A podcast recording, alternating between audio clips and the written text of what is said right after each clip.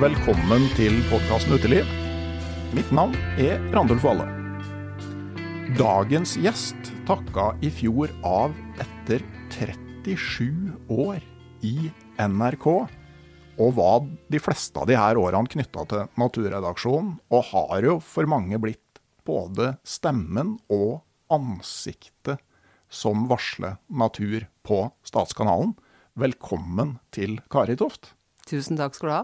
Uh I dagens episode så tenkte jeg jo da hovedsakelig at vi skal titte litt tilbake på de her årene og på en måte følge veien din i NRK, og kanskje se litt på hva som har skjedd med dekningen av naturfeltet. Og kanskje litt hvor det er på vei. Men vi tar opp denne episoden en vinterdag på Elverum. Sprengkulda har gitt eh, rom for mildværet. Vi sitter i ei laftahytte på bredden av Glomma. Utsikt over elva hjemmefra. Og det er da rammen rundt det faste åpningsspørsmålet. Har du hatt en fin tur eller naturopplevelse i det aller siste? ja, men det er jo nesten så du sier at uh, naturopplevelsen er akkurat her jeg bor. Og det er jeg veldig glad for at jeg har muligheten til å leve slik, da. Uh, jeg bor jo i Elverum, og det er uh, en snau kilometer til kjøpesenter og kafé og butikker. og så bor jeg likevel midt ute i naturen, føler jeg, da. Sjøl om jeg har Jeg har jo villahus på tre kanter. Men uh, hovedutsikten går jo utover uh, elva og grønn skog, og akkurat der hvor Glomma vier seg ut. Så vi kan liksom se langt og følge med både rev og rådyr og Ja. Det er, det er uh, godt å kunne hvile blikket på noe sånt. Ja, og så har jeg lagt merke til, jeg tenkte på når jeg kjørte hit, at folk som bor ved ei elv, har på en måte veldig lett for å knytte den til årstidshjulet. Jeg husker jeg var i Canada, i Norman Wells, som ligger ved den enorme McKenzie-floden, som vel er sånn 1-2 kilometer brei. Og der var jo sånn tidspunkt for freeze-up og break-up.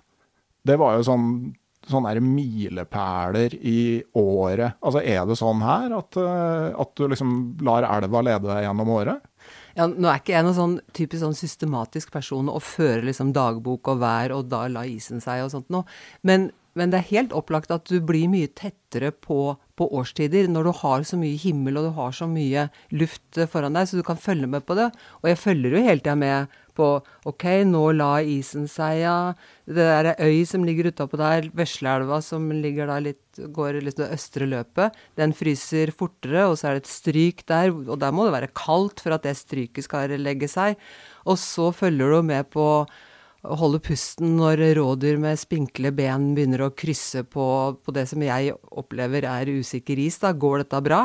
Eh, som regel går det bra, men jeg har jo sett rådyr som har hengt etter forbena på iskanten òg. Eh, det gikk òg bra. Eh, men jeg er kanskje enda mer nervøs for pilkerne som kommer sent utpå vinteren og ligger på sørpa omtrent og, og pilker. Ja, Er det fortsatt det derre grindalsfluefisket her etter sik? Nei, det, det, er det dessverre slutt på. Fordi at uh, kraftverket har gjort at isen Eh, på Glomma her i Elverum er mye mer usikker. Så det der grindalsfisket, det var jo først og fremst å sette lys på isen på kvelden for å lokke til seg insektene. Og bruke de når du dro videre rundt omkring i elveløpet for, for å pilke. Ja, du mata du med det. Ja, og så mener jeg leste om at de tok og putta de grindalsfluene i Nivea solkrem på fiskekroken, og det måtte være Nivea-krem hvis fisken skulle ta? ja, nei, det vet jeg ikke noe om, men det skulle ikke forundre meg. Nei. nei så, så det, det liksom litt eh, historiske, legendariske grindalsfluefisket, det tror jeg ikke lever, i hvert fall ikke i Elverum, kanskje litt lenger oppover eh, Østerdalen. Men uh, det, er, det er ivrige pilkere her, ja. De, men jeg tenker òg altså sånn første vakuum om sommeren, legger du merke til sånne ting? Jeg legger merke til når kvinnene kommer utpå ja. i, i de første råka. Uh, og de driver og kurtiserer uh, hverandre og jager bort rivaler og sånt noe. Det er liksom et sikkert uh, vårtegn. Mm. Så det, det, det, er klart du, du, følger litt mer med på det. Og så sjølsagt beveren, da. Ja. Men, men, jeg så Altså, nå er det, det er januar. Eh, og det har vært eh, fryktelig kaldt, og hele elveløpet har vært tilfrosset. Men så er det liksom et lite, en liten åpning eh, i sentrum. Og i går da jeg kjørte over brua, så, så sa jeg til mannen min Oi, snu, vi må kjøre en runde til, for der er det jo en bever. Oi. En diger, fet bever som drev og, og dro med seg noe kvist ned til et lite, en liten åpning i elvisen. Ja. Nei, de skal jo være her om vinteren, ja. Ja, ja. Kan ikke svømme til Syden, de stakkar. Men eh, sånn med, når man bor på bredden av Glomma, jeg tenker òg med eh, de siste års enorme vannstander innimellom, må du jo òg få et forhold til, da. Ja. Ja, ja, jeg har jo liksom sånne siktelinjer hvor jeg ser liksom Nå har elva gått ned, nå går den opp. Og, og, har den gått Oi, nå har den gått veldig mye opp. Eh, så det er jo uh, Det er jo interessant og spennende. Eh, vi føler oss sånn rent egoistisk sett, altså, så føler vi oss ganske trygge akkurat her som vi bor, for det er en ganske bratt skrent ned. Eh, men uh, i uh, flommen 95 så det, da, var, da var det nifst. Den, den gikk ikke over stien på elvekanten her, men det var ikke langt igjen, altså. Nei. Og det er, det, da, da snakker vi liksom fem meter opp. Og det Vi er jo så vant til liksom å Jeg ser ut av vinduet, og så Der ligger Glomma, ikke sant, på et slags jamt, noenlunde jevnt nivå. Men akkurat i de der store flomdagene der, så jeg skvatt hver gang jeg så ut, for det elvenivået var jo så mye høyere opp. Altså blikket måtte løftes opp for å møte, møte elva. Da. Og det kom jo drivende så mye rart. Én en ting var liksom kvist og kvast og, og trær, men det var jo eh, koier og kjøleskap og båter og ja. Ja, Det var storflommen i 95, ja. Mm. Jepp. Eh, men la oss gå litt tilbake i tid. Altså, Man spør jo som kjent ikke om en dames alder, men det er ikke forbudt å gjøre litt research. Uh, uh, men jeg har, jeg har regna meg tilbake til Du begynte i NRK i 1986. Mhm. Og uten å helt gå inn med å finsikte på bursdager og datoer, så tenker jeg at du var rundt 27 på det tidspunktet. Ja, det stemmer. Men det starter kanskje ikke der. Altså sånn Når du endte i NRK, altså hvem var du den dagen da du gikk inn der? Eh, da var jeg en småbarnsmor. Eh, jeg har ei datter som er eh, født i eh, 85. Og så hadde jeg hatt eh, sommerjobb i NRK noen år tidligere. Og før det så hadde jeg hatt en sommerjobb i avisa Østlendingen. Eh, og før det så tenkte jeg at jeg skulle bli veterinær. Ja. Eh, fordi at jeg ja, Jeg er jo veldig glad i dyr, og opptatt av dyr. Eh, så tenkte jeg og Så hadde jeg utplassering eh, hos en veterinær på ungdomsskolen, og syntes det virka som et interessant eh, og fint yrke. Så var jo veien dit ganske lang, da. Og så hadde jeg begynt på reallinja, for jeg tenkte at det går jo greit. Jeg begynner på reallinja på gymnaset, for da ligger jo verden åpen. Eh, og skolefag hadde jo gått veldig greit. Men det var ikke så greit på reallinja hvis en ikke hadde god eh, arbeidsmoral.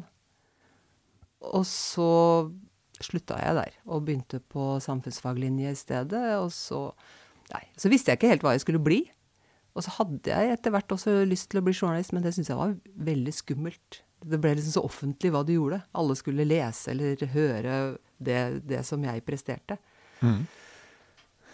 Nei, og så drev jeg suldra litt eh, rundt uh, i, uh, i inn- og utland. Og tok litt historie, og så gikk jeg på skogskole. Og så fikk jeg vikariat som journalist, uh, og så syntes jeg det var artig. Og så fikk jeg fast jobb som journalist i Finnmark. Finnmarksposten. Ja. Hvor ble den gitt ut? Hvor ble den gitt ut? I Honningsvåg. Ah. Ja. Så jeg bodde i Skarsvåg, verdens nordligste fiskevær. eh, Og skulle da pendle over Magerøya. Det var jo en naturopplevelse. Ja, De dagene det var mulig? ja. Det var Nå, nå, nå, fors, nå forsvinner jeg litt ut eh, på et sidespor her, men Jo, jo. Det, det, det, digresjoner er alltid velkomne i Ja. podkasten Uteliv. Det, Ja, ja, ja. Nei, men det er bra. Nei, for før det så hadde jeg vært med noen venner som, som skulle ha jobb i Troms. Eh, og da var jeg med som hundepasser og selskapsdame og lærervikar og bibliotekvikar og litt sånt nå. Uh, I eh, Kåfjord i Troms, i Lyngen, og ble jo bare helt lamslått av hvor, hvor vakkert det var. Mhm. Uh, og også litt skamfull, for at jeg hadde jo vært mye rundt omkring i Norge, trodde jeg, og vært mye i fjellet og sånt nå. Og, men jeg ante jo ikke at det var så flotte fjell nordpå. Nei. Eh, og det var en fantastisk høst, og så fikk uh, vi da mulighet, uh, jeg og da min daværende samboer, som da er mann, vi fikk jobb begge to i Nordkapp kommune. kommune. Og så dro vi dit. Og Ragnar skulle være rektorvikar på Skarsvåg skole, og jeg fikk da jobb i Honningsvåg. Det var jo ikke så langt unna.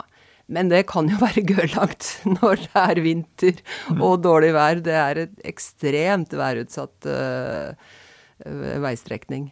Men uh, nei, det var jo å kjøre med varme klær og sovepose og rosiner og lommelykt i bilen året rundt. Og så fikk jeg veldig ofte sitte på med brøytebilen. Ja. Istedenfor at han skulle ha meg bak i kolonna, kanskje som den eneste bilen. Så da, da kjørte vi sammen, og så hørte vi på Nitimen eller nyheter at eh, nå er det kolonnekjøring over Skarsvågfjellet. Ja, det, det, vi så på hverandre og sa ja, det vet vi, her er vi. Og det, og det er en del sånne navn som det er som veldig mange kjenner. Eh, Altså Ifjordfjellet er jo Ja. et sånn fjell veldig mange, eller et sted mange har hørt om uten å vite hvor det er, Mm. bare for at du vet at det er enten stengt eller kolonnekjøring. Mm. Og det samme gjelder da og på over Magerøya. Ja, ja. Men hvordan var det med sånn tur- og naturinteressen i barndom og ungdom? Jeg, eh, jeg har aldri vært en sånn derre ekstremutøver, men jeg har bestandig vært eh, på tur. For det, det var eh, en del av oppveksten å dra på tur.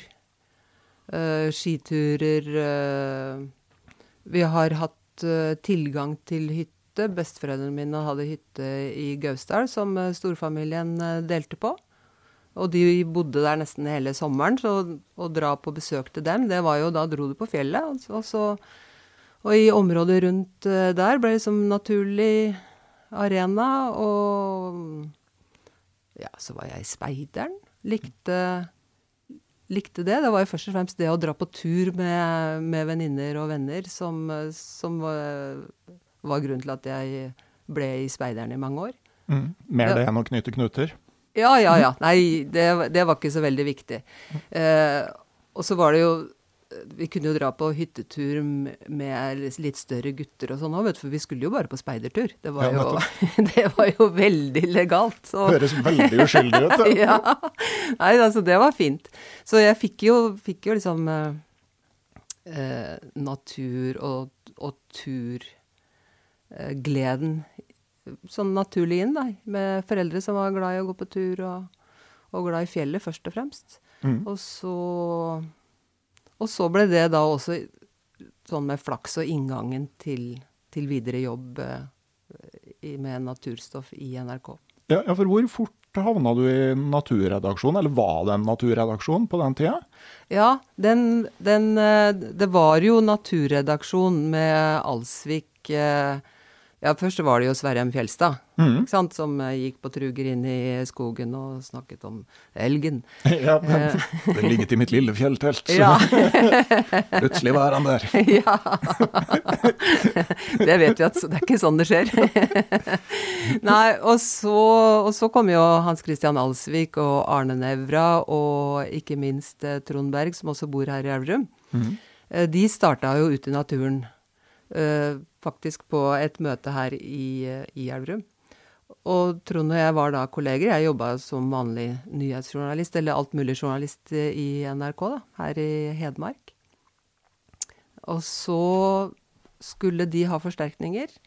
Eh, for Arne Nævra skulle begynne litt mer for seg sjøl, og Trond eh, trengte en makker. Og vi har kjent hverandre fra vi gikk i barnehagen. Eh, og han visste at jeg likte å være ute, tålte å være ute. Uh, ja, så kjempeflaks. Jeg var liksom tilgjengelig på et riktig tidspunkt, og så uh, De i redaksjonen i Oslo, da, de visste jo ikke hvem jeg var. Eh, så Trond og jeg bare tok et sånn prøveopptak ute i skogen, hvor vi satt vel på hver vår stolsekk og, og prata. Og så sendte han eller viste det for kolleger i Oslo, og sa han ja, hun kan godt få bli med. Litt, litt enklere beslutningsprosedyrer enn eh, nå? Ja, det vil jeg absolutt si. Både med, fra idé til, eh, til gjennomføring av programmet, og, og hvem som, hvem som dukker opp i ruta. Mm. Mm. Og det kan jo for så vidt både være en styrke og en svakhet, det da. Men, eh, men, men det er jo kanskje noe vi òg kommer litt tilbake til. Men, men, husker du Altså, når var det du kom inn i Naturredaksjonen? Det var i 97, tror jeg. Ja, Så du hadde en 10-12 år i NRK før du kom inn? Ja. ja. Mm. Så Ut i naturen ble starta såpass seint? Nei, da hadde de holdt på i ja. noen år før jeg kom inn. Ja, for det, i nettarkivet så tror jeg det ligger til NRK tror jeg det ligger fra rundt 92. Det stemmer, det. Jeg tror mm. det er da det, det, ble etablert det som ble hetende Ute i naturen, ja. Mm. Husker du på en måte, altså, det, Hadde dere noe sånn bevisst forhold til hva dere skulle formidle, hva som liksom var oppgaven deres? Eh, ja, altså hoved, hovedoppgava var jo å lage eh, program om norsk natur. Eh, for både å spre det var, det var, ikke meg, det der var bikkja som lå under bordet, som harka til litt, hvis du, hvis du hørte det. Det er koselig med hundeselskap. ja. Hun er der det er mat på bordet. Ja. ja. Nei, vi skulle lage uh, om norsk natur, ja. Uh, og det var jo både for å spre uh, kunnskap om norsk natur, norsk, norske arter, og spre naturglede. Og opplevelse. Mm. Uh, og så uh, også ha uh, en viss grad da av seerkontakt. For det, jeg ble involvert i det Først og fremst så jobba jeg da med det, det vi kalte det månedlige magasinet i Ute i naturen, som hadde med seervideoer å gjøre. Mm. Ja, for det begynte sånn på slutten av 90-tallet. Det med at dere fikk, fikk ganske tidlig med en sånn interaksjon òg. Jeg husker for så vidt at noen av barneprogrammene hadde samme, et program som het Magnus, hvor det var en sånn sport i å sende det rareste kortet med svar på konkurransen. ja. Så folk satt frimerke på det utroligste og sendte, så ble det sånn konkurranse om å finne på den rareste tingen du kunne skrive svaret på. ja, det stemmer det. Ja. Eh, men eh, jeg tenker jo òg litt at Jeg har kikka på en del av de programmene fra, fra 90-tallet. og og det er et sånn gravalvor som hviler over TV-mediet fortsatt der, syns jeg. Ja, det er, det er, det er ikke bra å se gamle programmer. Eller det er kanskje det, kanskje det er bra for å, for å eh, realitetsorientere seg litt. At eh, ting var ikke nødvendigvis bedre før. Nei, for du sier liksom kunnskap og naturglede. og jeg, tror den vektstanga heller veldig mot kunnskap, og at gleden den er på en måte Den er litt sånn avmålt. Ja. Enda så følte jo Trond og jeg at vi, vi var liksom eh, veldig avslappa og Uh, lite stive, da, men nei, Hvis jeg skulle sett på en del av dere gamle nå, så Nei, gi meg ei pute.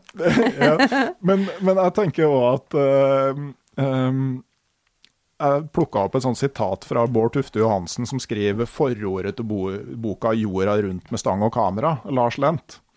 Hvor han da skriver om at i oppveksten irriterte jeg meg over at det aldri var fiskeprogram på TV. NRK hadde en sjelden evne til å gi folk til ikke å gi folk det de ville ha. Et NRK-program fra Altaelva lød Vi er ved verdens beste lakseelv, men i dette programmet skal vi bli enda bedre kjent med fossekallen. Ja, det, var ikke, det, var ikke, mitt program, holdt jeg på å si. Men ja, det er klart det er grusomt for en uh, fiskeentusiast som Bård, da. Men jo, men, men, det er jo et sånn element av sannhet i det. Altså, Man tar tak i noe som på en måte Altså, eh, man kan på en måte ikke bare gi folk underholdning på det de er opptatt av. Det må også være et tilstrekkelig element av folkeopplysning i det her. Jo, men det kunne jo blitt folkeopplysning om laks òg, da. Jo, jeg har jo. jo vært i Altaelva og lagd et program om laks, og, og fått laks og alt sånt. Så, men det der handla jo kanskje mer om, om det vi har blitt prenta inn, liksom hold fokus. Hva skal det handle om? Eh, nei, så kan du jo også diskutere det der med fiskeinteresse. Det gjorde vi ganske ofte. For vi, hadde, vi har jo hatt eh, fiskeentusiaster i redaksjonen som mente at det var altfor lite fiskeprogram. Eh, og alle som har en lidenskap, syns jo det er altfor lite om akkurat det. Og hvis du lager om det programmet, da, så er det ikke nødvendigvis at det er så forferdelig mange som, som ser på det, eller som så på det. Men det, det kan jo selvfølgelig ha noe med hvordan ting blir presentert og laga. Men uh, Ja, nei, Nei, det, det, vi, også, også det med fiskeprogram. Eh, Ja, det er mange som fisker, men det er ikke sikkert de gidder å se på et fiskeprogram. Og ikke minst, du lager et problem for deg sjøl med å lage et fiskeprogram. For hvis du skal lage et fiskeprogram, så må du få fisk.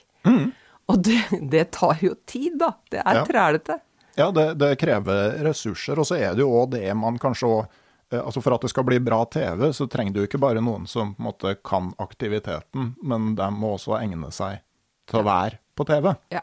ja. Uh, så, men jeg tenker at altså, NRK-monopolet varte jo til starten av 90-tallet. Og TV 2 var jo ikke noen sånn kjempefarlig konkurrent i sånn fire-fem første åra. For når du ser på gamle TV 2-produksjoner, og jeg husker når TV 2 kom med en del av de første programmene de sendte, det var jo pute-TV allerede da. Sånn at man hadde jo en sånn der, nesten en sånn uangripelig posisjon som man var vant til å ha òg, tenker jeg. Ja, ja. Det var klart, vi, vi var jo utrolig privilegert. Du kunne lage et program, og tre fjerdedeler av befolkninga så det, ikke sant? For de hadde ikke noe annet å se. Eh, og, og det, det var jo på en måte flott, for det, da kunne du jo uh, lage programmene slik du syns at folk skulle få servert programmene, og de skulle få lært litt og i det hele tatt. Men det er klart, du ble jo, du ble jo litt, kanskje litt eh, lat av det, da. Altså du, du Vi ble jo mer skjerpa, det er jo blitt bedre vi, gjennom konkurranse. Og så klart du kommer til et sånn et lite skjæringspunkt, da. Mm, Men så ser jeg jo for meg at, eh, at eh, altså sjølve det å produsere et TV-program på spesielt sånn når det kom på tidlig 90-tall, var jo vesentlig eh, mer arbeid.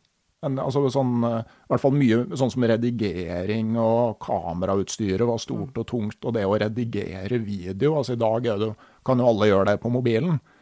Men eh, altså, hvis du går tilbake til midten av 90-tallet, så var jo det en mer tungvint prosess.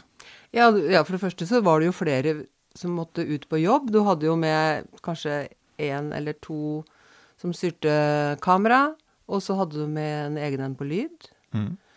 Eh, og det var jo allikevel en, en lett produksjon, eh, som vi kalte det. eh, et lett team. Eh, På de større produksjonene så var det jo en hærskare folk med. Jeg husker jo da, vi, da jeg skulle begynne i, i Naturredaksjonen, så, så var vi inne i Oslo. og skulle, ja, skulle finne noen klær som kunne passe i programmet, og så, skulle, og så var vi innom sminke, og da sa de jo som en selvfølge Og dere skal selvfølgelig ha med dere sminkør ut på opptak. Ja, altså, vi men visste jo at det, ville jo aldri skje. Det var jo i, i beste fall litt maskara som ble lagt på i bilspeilet rett før det gikk ut på opptaket. Ja. Men, men vi så, så egentlig så hadde jo vi ganske eh, enkle og kjappe opptaksgjenger og, og utstyr, og jobba forholdsvis eh, effektivt. Um, men, men eh, ja, å begynne å redigere, ja, det, det tok jo veldig mye lengre tid. Og i starten så måtte du jo Nå kan du jo gjøre om til siste, til siste sekund. Men uh, i starten, når jeg jobba med TV-programmer, så da måtte, du, da måtte du jo ha tidslinja klar, og så måtte du legge liksom første bilde, og så andre bilde, og så tredje bilde, og da var det lagt, så du måtte liksom bare bygge på det. Ja. Hvis du skulle endre det tredje bildet, så måtte du ta bort alt som lå etter Ja, må- det, og begynne på nytt. Ja, da måtte du begynne på nytt, ja. Du kunne ikke flytte om på sekvenser som du kan gjøre nå. Uh, og da hendte det ofte at eh, det gikk veldig fort på slutten, for da hadde du så liten tid. Men samtidig så lærer du vel noe om forberedelser, da? På, Helt klart. Mm. Ja. At uh, For det Altså for min del òg, så uh, Jeg begynte jo å jobbe med radio på lydbånd i ja. 94. Mm -hmm. og når du skal fysisk klippe med saks og teipe sammen med teip, mm.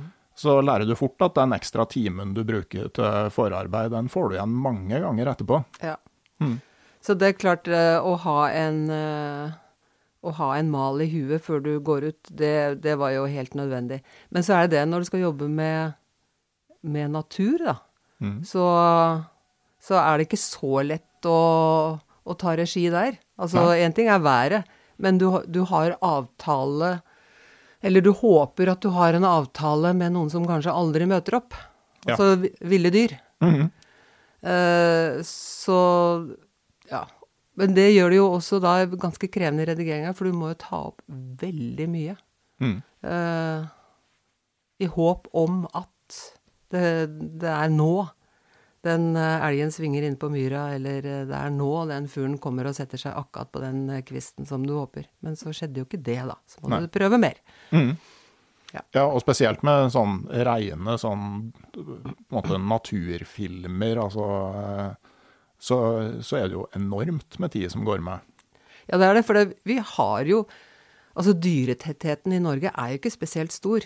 Jeg tenker med skrekk og gru hvis jeg skulle vært en sånn naturguide for å ta imot uh, ja, enten om det er byfolk eller uh, utlendinger som skal ut og oppleve ville dyr. Jeg vet da søren hvor jeg skulle tatt dem med, altså, for at de skulle fått den opplevelsen. Eh, det er langt imellom dem, sjøl om uh, jeg skulle nok ha klart å vise dem en elg, og jeg kunne ha dratt og vist dem moskus, og jeg kunne Ja. Da drar vi ofte, ender ofte på Svalbard, da, for det er litt lettere å komme tettere på dyra der. Ja, jeg ville nok eh, plassert dem ved kjøkkenbordet mitt med en kopp kaffe og bedt dem å vente på rådyrene. Ja, men da hadde du kommet til å sagt at det var da, det var da fortærende, for det, i går ja. da var det faktisk fem stykker her. Men nå skjønner jeg ikke hvor de er. Altså, Det har jeg hørt ofte. ja. men, men, det er jo litt sånn uh, En del av dem som driver med sånn type guiding, har jo etter hvert blitt veldig flinke til å informere på forhånd om hva du kan forvente deg. At ja. uh, det, det, er ikke Serengeti. Nei. Og så må du gjøre maksimalt ut av bålkosen og kaffekoppen og spora i snøen. Mm. Men så, så er det jo ting som skjer utover 90-tallet, og kanskje sånn spesielt når du begynner å bikke uh, over uh, forbi tusenårsskiftet. Uh, jeg tenker at altså, sånn, Naturredaksjonen er liksom, i mine øyne på vei inn i en sånn slags gullalder utover på 2000-tallet. Kanskje fordi produksjonene blir lettere, og kanskje fordi man òg endrer formatet sånn at det rett og slett blir litt mer publikumsvennlige? Altså, er det, er det en, en, sånn bevisst endring, eller blir dere påvirka utafra? Uh, jeg prøver å tenke tilbake til åssen vi tenkte. Mm. Uh, jeg, jeg, tror det var begge deler. Det er klart vi blir påvirka utafra.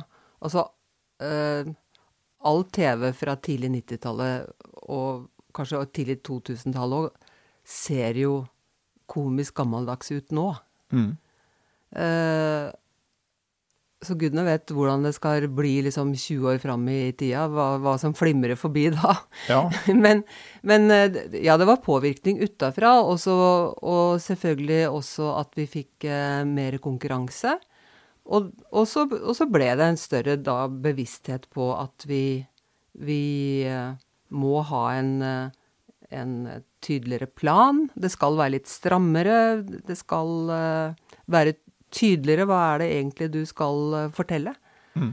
Uh, så, du, så, alle ble jo skjerpa og, og ble kursa i liksom fortellerteknikk og dramaturgi. Mm. Ja, men jeg tenker også, ok greit, Det kan sikkert se rart ut det vi gjør i dag og om noen år, men jeg tenker den forskjellen på en produksjon fra rundt 1997 og en fra 2004, mm. den syns jeg når jeg bladde gjennom i NRK-spilleren altså Det skjer veldig mye på de åra der. Syns jeg at uh, det blir en slags løsere snipp, og uh, man taler mindre og snakker mer, ja. på et vis. Altså, du, ja, du, du, er på en måte mer med på noe enn at noen har en oppsetning for deg. Ja, det tror jeg nok eh, er helt riktig. Jeg kan liksom ikke huske at det lærte vi. Liksom fra, fra det året så, så, så skifta vi. Så det var nok noe sånn litt gradvis. Nei, det, det, er snålt. For som sagt, så jeg følte jo at vi hadde liksom en litt sånn løs snipp når vi Da Trond og jeg eh, var programledere oppe i Gravberget, som var liksom litt sånn utestudioet vårt, da, og innannonserte, ikke sant det, det, bare det jeg sier, det innannonserte innslag. Så da var vi liksom Der var vi, og så fortalte vi 'nå skal dere få se'. Mm. Så ble det mye mer at programlederne skulle være i den situasjonen hvor ting skjedde.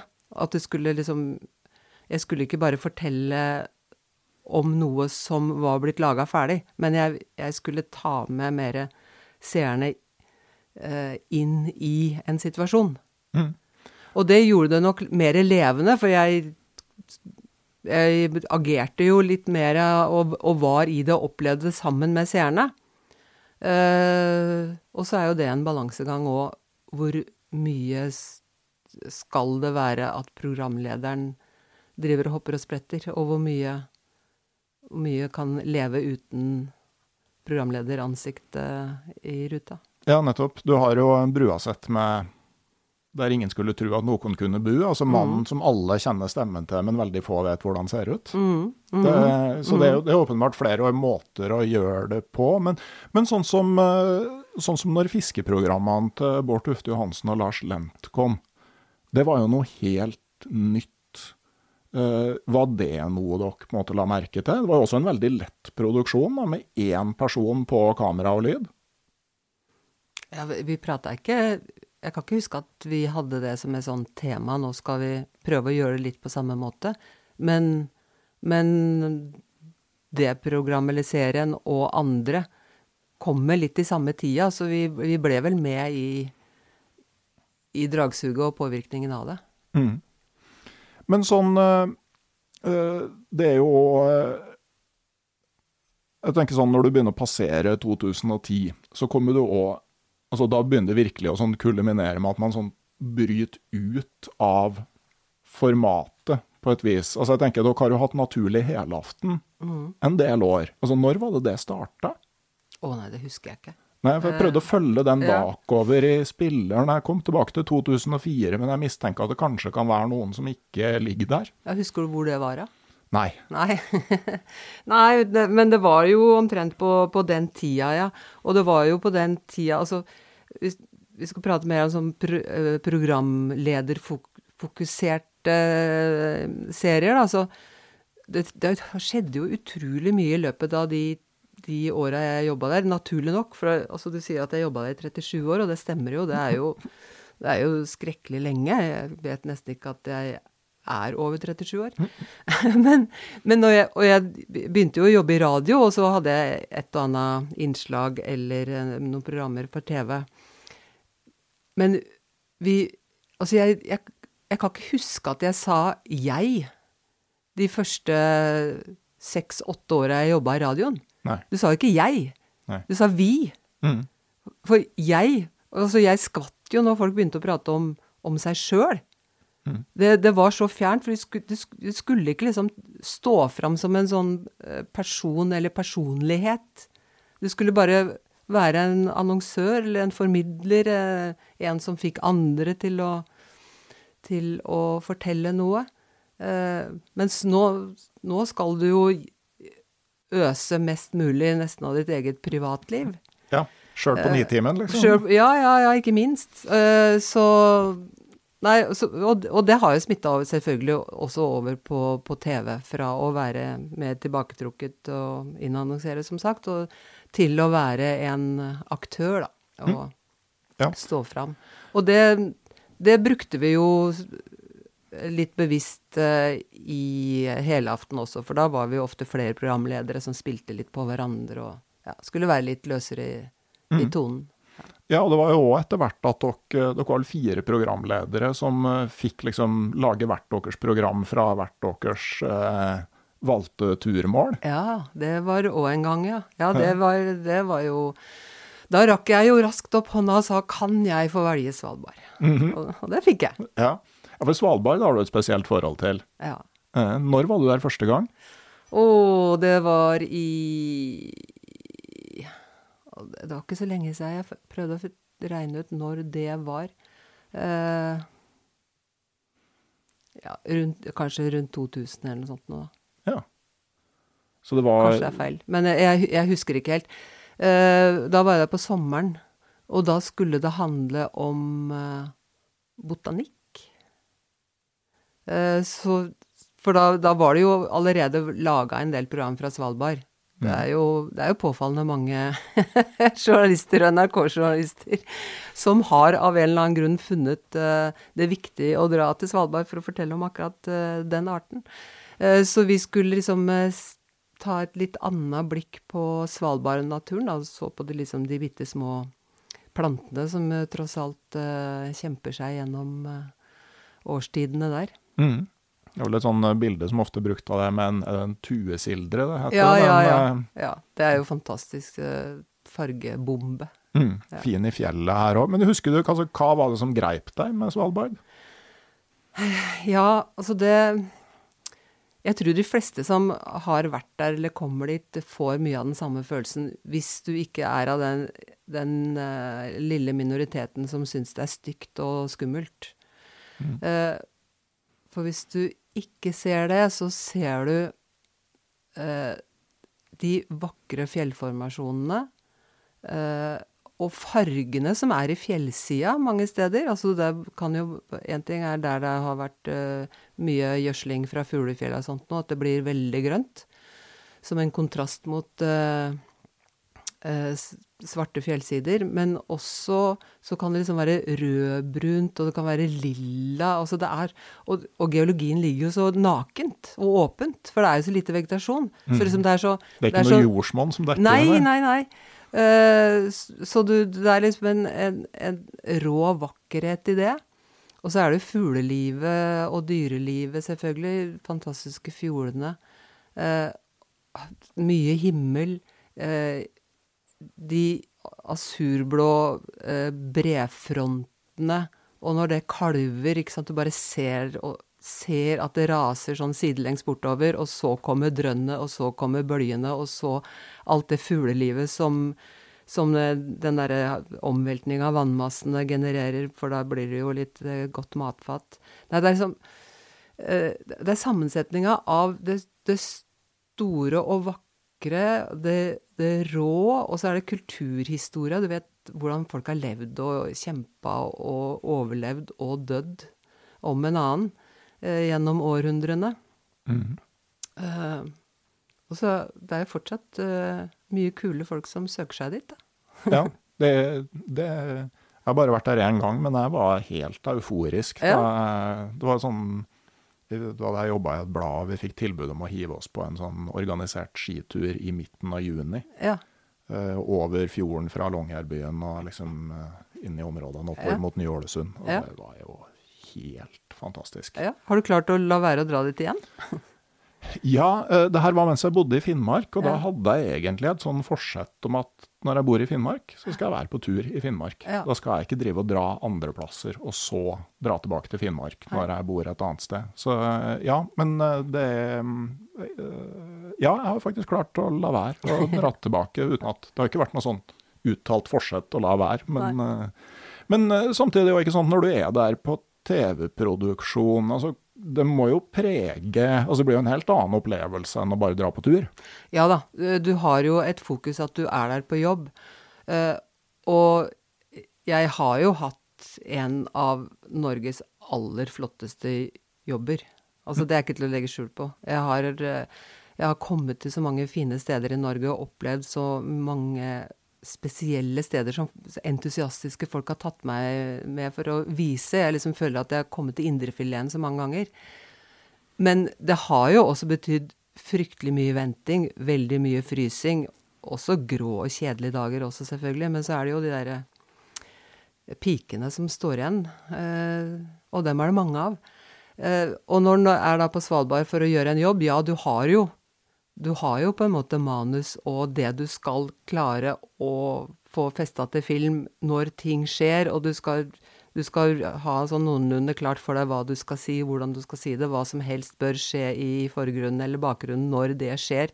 Så det er, det er mye styr og, og spenning og mislykkethet uh, i, uh, i, i opptakssituasjonene også. Mm. Og så til slutt så blir det nå det det blir, da. Så får du prøve å sy det sammen på best mulig måte etter uh, endt opptak. Mm. Men da du fikk lage program fra Svalbard da, i 2012, så vidt jeg klarte å se, så, så tok du med hele familien dit òg? Ja, det var Ja. Det var Det var jo litt rar situasjon på en måte, for det hadde jeg jo aldri gjort, liksom å blande av private meg inn i noe TV-produksjon. For da hadde jeg først noen dager da skulle, som du sa, fire programledere skulle få velge sin naturtype og lage et program derfra som på en måte litt sånn mitt smoltronstelle. Mm. Uh, og jeg valgte da Svalbard, som sagt, så da var vi først uh, på rent opptak, uh, en gjeng hvor vi dro ut på nordsida av Isfjorden og hadde store naturopplevelser, lå i telt der, var vel på bretur og fjelltur og sånt noe. Og så, var, så ble det liksom bakt inn da i historien for liksom å hvordan, hvordan skal vi liksom utvide denne historien til at det blir litt min personlige tur? Og så fortalte jeg da, som sant var, at jeg hadde jo prøvd å fått med mannen min til Svalbard mange ganger, og han, han kunne ikke tenke seg det i det hele tatt. Han, han ville vil ikke på et sted som han kaller en elverum. I hvert fall ikke på sommeren. Nei. Uh, og så Men så var han liksom litt på glid, og så fant jeg ut ja, men kanskje det kunne være litt sånn spennende, da. At, uh, at jeg skulle prøve å, å, overbevise han om at det er faktisk fint her. Mm. Gi det en sjanse. Ja. Ja. Og så ble det til at, uh, at alle sammen ble med. Unga hadde jo en veldig perifere rolle i dette her, da. De var jo unge voksne på den tida. Mm. Eh, mens mannen min hadde jo etter hvert da en litt mer fremtredende rolle med å ikke være så veldig begeistra og være negativ, og det var helt sant. Og så, og så fikk han jo sterke og flotte opplevelser og ble, ble veldig betatt. Og mm. ble med på en tur til senere. Ja. Som han lovte at han skulle. så bra. ja. Men uh, jeg har jo registrert òg at i hvert fall én av ungene dine har en sånn natur- og faktisk en fiskeinteresse. Ja, eh, heldigvis har jeg har tre unger, så alle er veldig glad i å være, være ute. Mm. Uh, og eldste dattera mi som uh, kasta skia sine i sinne som uh, 13-14-åring, for det var bakglatt og alt var uh, drit. Mm. Hun er jo blitt kjempeglad i å gå på ski, og ja, alle er, er glad i å være ute. Og gutta, de, de er veldig um, ivrige fiskere. De, er ikke, de får ikke all verdens fangst, men de har stor glede av det. Så de ja, både fisker og jakter litt. Ja, Så de har ikke fått en sånn motreaksjon? Nei. De har heller uh, Altså, mor er jo per definisjon litt teit når du er uh, tenåring. Mm. Uh, og så har de på en måte kommet etter meg. Eller uh, ja, vi har møttes, eller hva vi nå driver med. vi har det i hvert fall fint sammen og har glede av å være på tur sammen. Mm. Blir mor ekstra teit i en sånn tenåringsfase når mor også er en offentlig person som andre har et forhold til?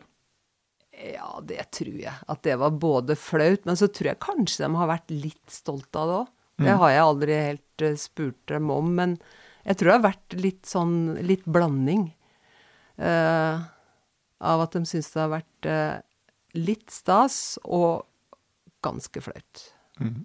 For din del, da, når du liksom ramler rett inn i TV-sendinger som du sier har liksom samler 20% av Norges befolkning plutselig?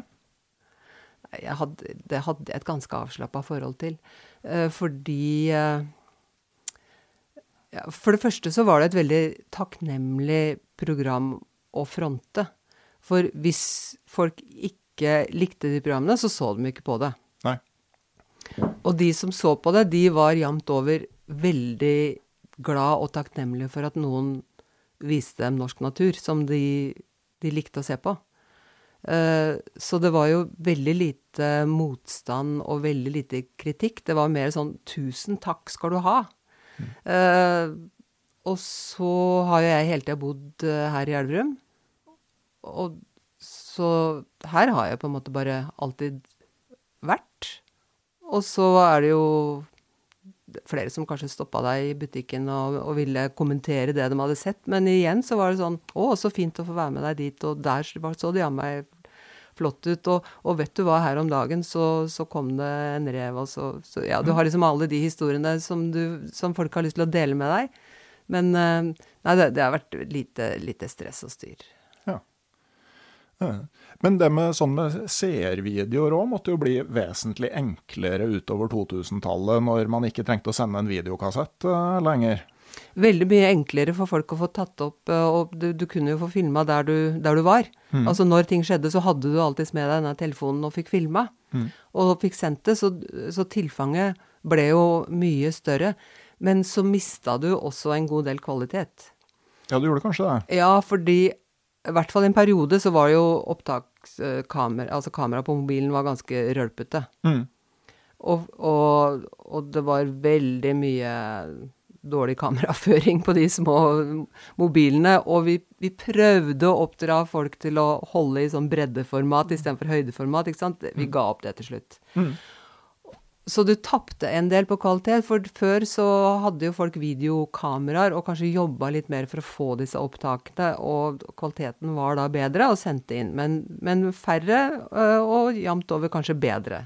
Ja. Og så kom det, når mobilen ble allemannseie med kameraer, så fikk du veldig mye uskarpe videoopptak i høydeformat, som ikke passer øh, utseendet på TV-skjermen.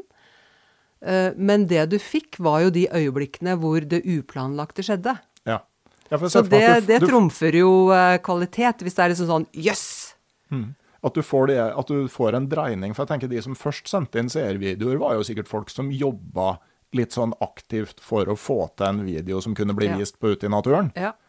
Uh, og så får du, som du sier, det der helt Altså, nå skjer det noe helt ja. merkelig her, og tilfeldigvis så har jeg med et kamera. Ja.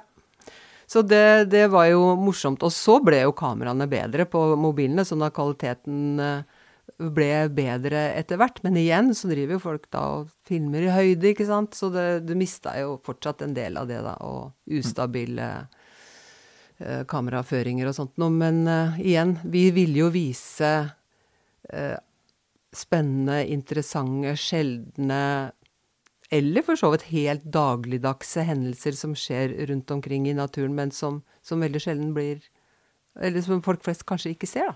Ja, jeg husker at dere satte sammen sånn seernes vintervideo som ja. kunne være kjempelang, liksom. Ja, ja, ja. Folk, folk, som leker seg i snøen. Det, og det ble sendt på lineær TV. Sånn, mm. eh, fint. Men sånn med unike øyeblikk og sånn, er det opplevelser med, med dyreliv som for din del eh, sitter igjen som Er det noen du husker godt? Ja, ja. Det er jo Hva skal en velge der? Uh, jeg har jo kløpet meg i armen ganske mange ganger og tenkt tenk at jeg får oppleve dette her. Og jeg er på jobb. Det er jobben min! Jeg, jeg, jeg får til og med betalt, ikke sant?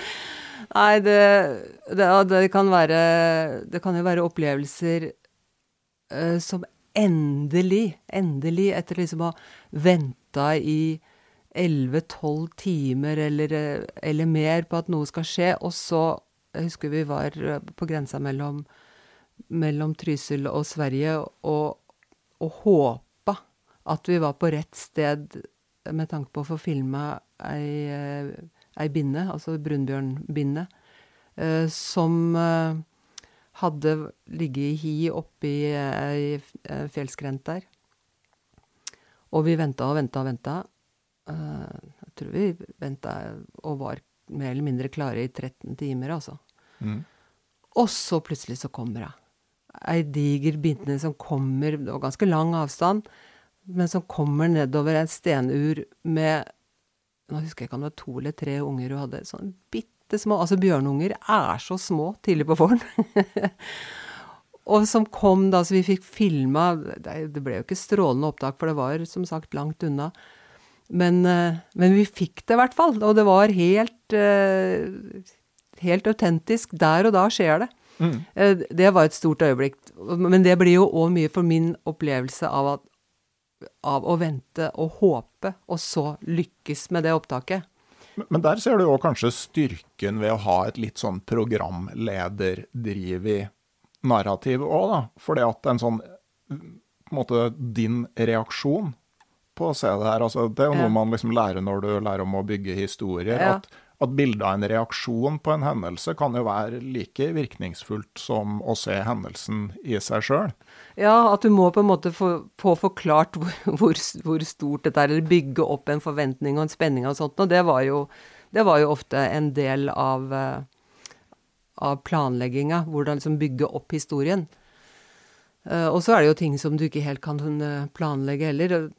Fortsatt med brunbjørn, så, så vi var, vi skulle, det skulle handle om vintersøvn til bjørn.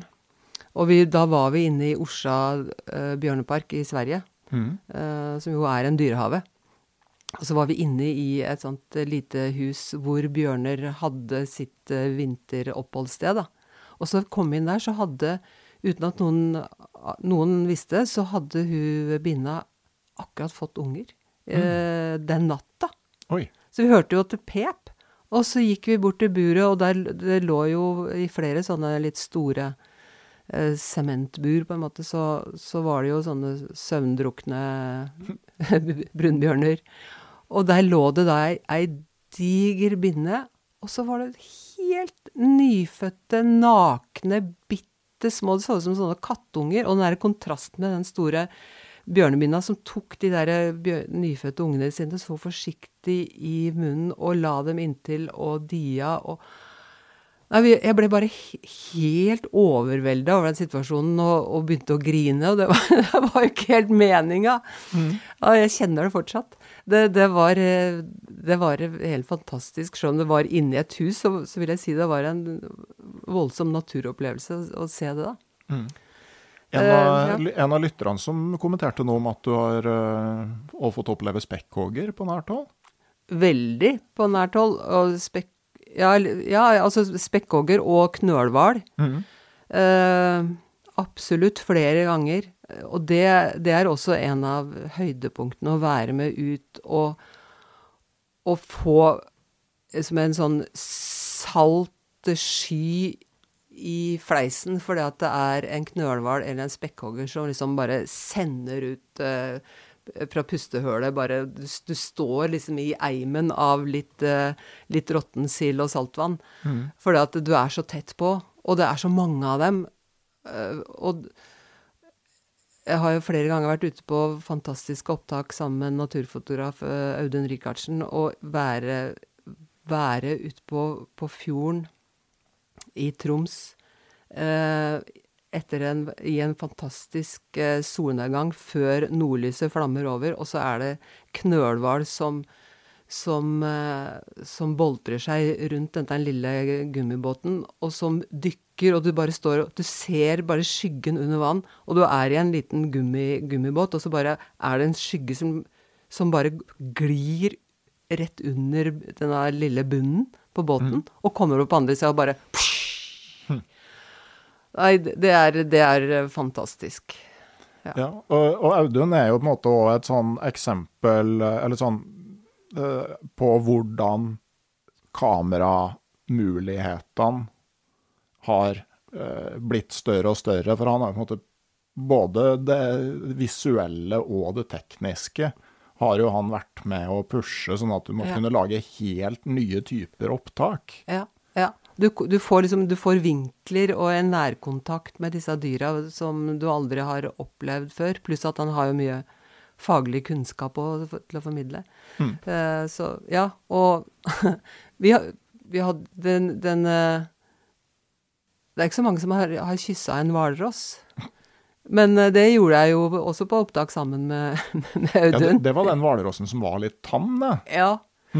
Det var en eh, ganske ung hvalross som eh, hadde da tatt seg i land på ei øy uh, utafor Troms. Eller ut, rett utafor Tromsø. Mm. Uh, og den var jo helt alene. Mm. Og, og jeg, den følte seg nok alene, og, og den, den Den hadde sin faste hvileplass ved siden av en død spermhval. Det var liksom Uff. Ja, huff, ja. Og så kom jo da Audun, og så ble han en enda bedre Heldigvis en bedre venn enn den døde spermhvalen, da. Ja. Så den knytta seg jo veldig til Audun, og ble så glad hver gang han kom. Og så var jo vi med og gjorde, gjorde opptak, og den Vi måtte jo legge teltet liksom opp en sånn liten skrent, for den ville jo, den ville jo være med oss hele tida. Mm. Å ha en hvalross i teltet er ikke, det er ikke så lurt. Nei, sjøl om, eh, om det ikke var med vilje, så den er jo såpass tung at Ja, ja, eh, ja, ja. Og den ville jo fryktelig gjerne ha oss med ut i vannet. ja, Og spesielt Audun, da.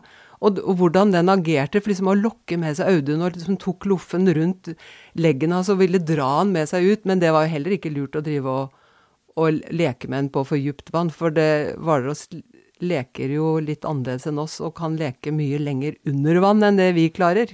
Mhm. Så vi, eh, vi sto bare på grunna. ja.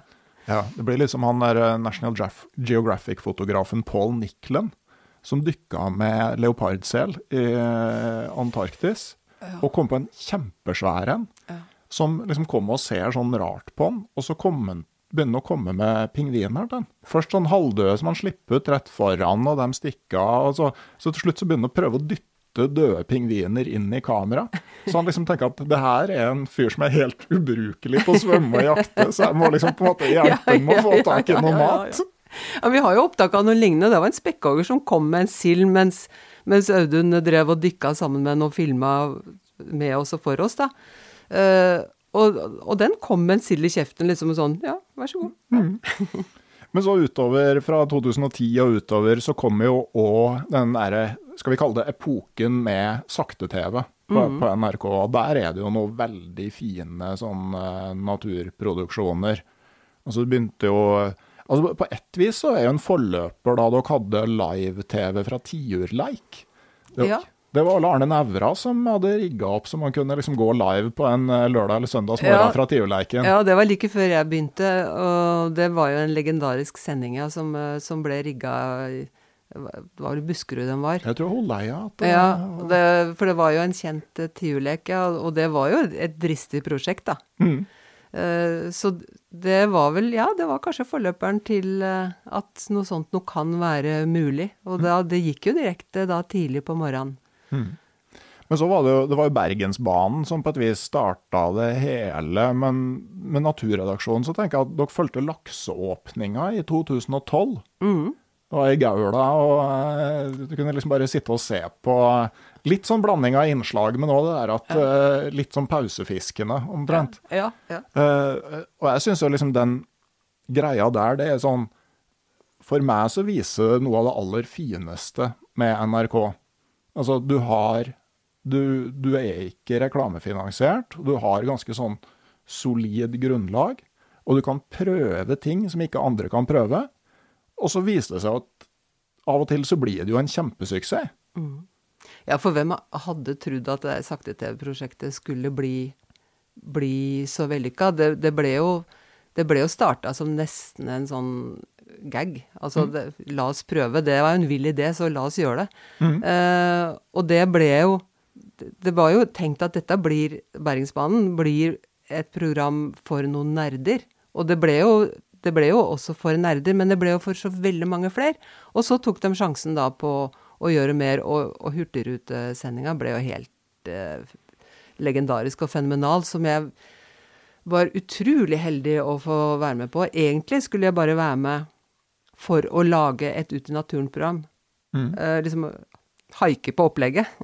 og lage, lage mine ting for et naturprogram, og det gjorde vi jo. Men så, så ble det også mer, da. Det, det trengtes større ressurser inn i sjølve hovedproduksjonen, så jeg ble liksom en mer del av det. Det var jo helt fenomenal eh, opplevelse. Men det og Hurtigruta, altså den tok jo på en måte av underveis. Ja. For at det var sånn, når Hurtigruta kom til Trondheim, så var det jo på en måte, det var jo ingen som var der da. Men, Nei, men så balla det liksom, jo lenger nord du kom, jo mer så skulle man liksom overgå naboen i sør. Og Ja, det, ja. det balla liksom bare mer og mer på seg. Ja, folk skjønte jo ikke helt hva dette konseptet var, ikke sant. Så vi dro jo fra Bergen, og der var det jo litt, noe litt sånn sperringer rundt havna og sånt noe.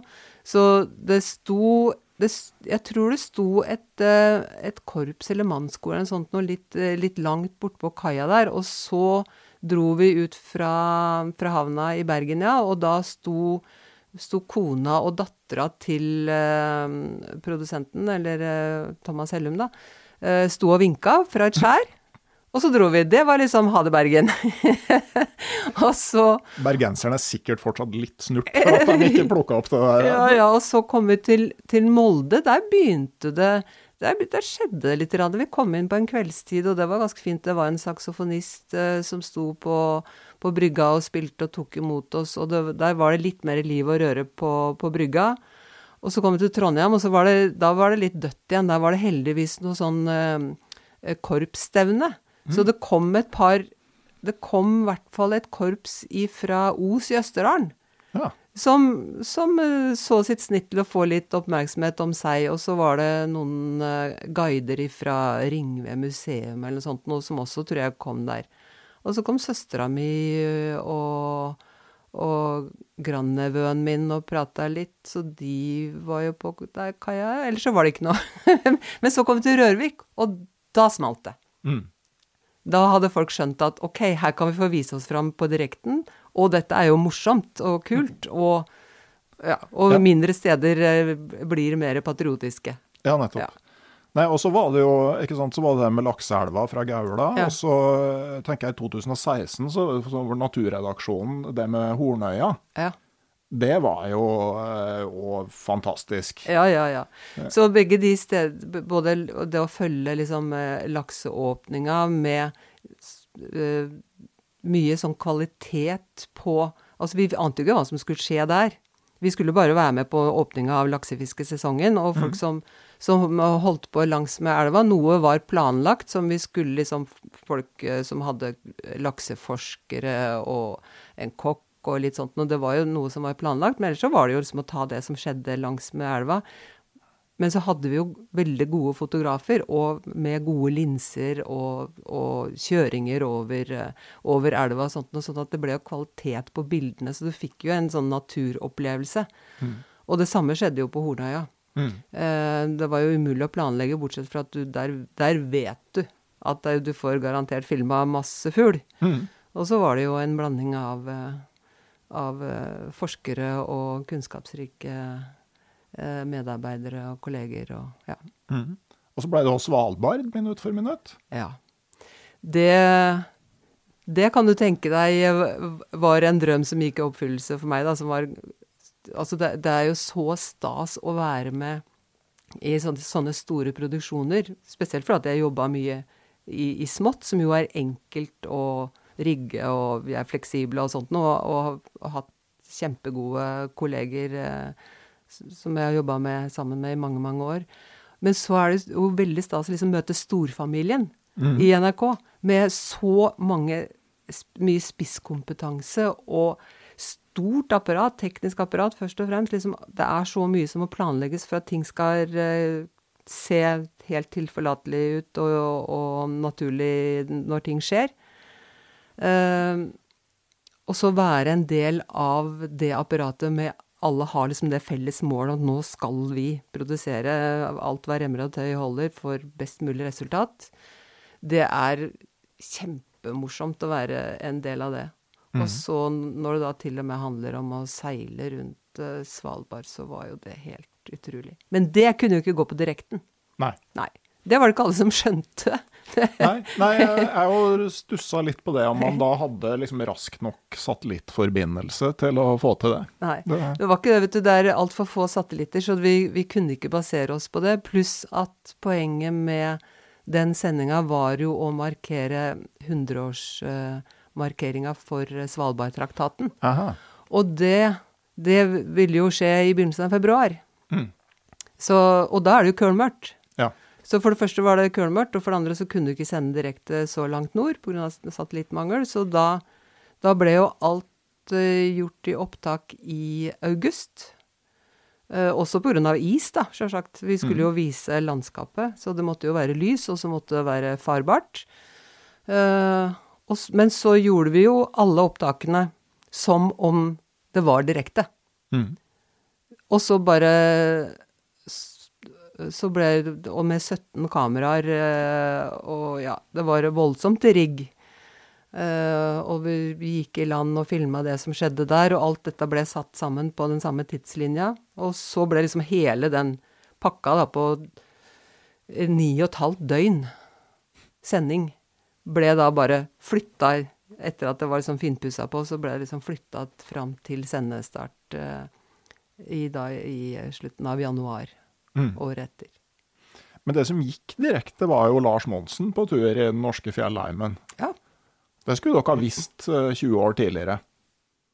Sånn i 97-98 at om 20 år så skal vi ha Å ja, sånn ja. At ja. vi skulle ha visst det, ja. ja ikke skulle, vist det, men visst det. Nei, visst. Vi skulle ha visst liksom at ja, da, da, kan vi putte et TV-studio inn i en ryggsekk, og så kan vi gå rundt og sende direkte mens vi vi sender ut en kjendis til å gå på tur i, i fjellheimen. Ja, nei, det, er jo helt utrolig hva som nå er mulig. Og det er òg helt utrolig hva, hva igjen hva mine flinke ekskolleger har tenkt ut av muligheter på hvor de kan putte kameraer, og hvordan det kan bæres. og det var mange som bar tungt på den turen eh, i Jotunheimen, og, og, vi gikk fort og langt. Og, og det, var, det, var, tøft å bære der, eh, den riggen med hoved... Eh, senderen der, altså. Ja, og folk som satt oppå fjelltopper og var sånn ja, ja, ja. for å sende videre. Og, Nettopp. Og jeg hørte òg at det var liksom en av turene hvor man var veldig spent på et tordenvær som skulle komme inn, om det her var forsvarlig eller ei, og at det bare gikk akkurat. At det skulle liksom sitte en mann med en antenne liksom på en fjelltopp, det er liksom ikke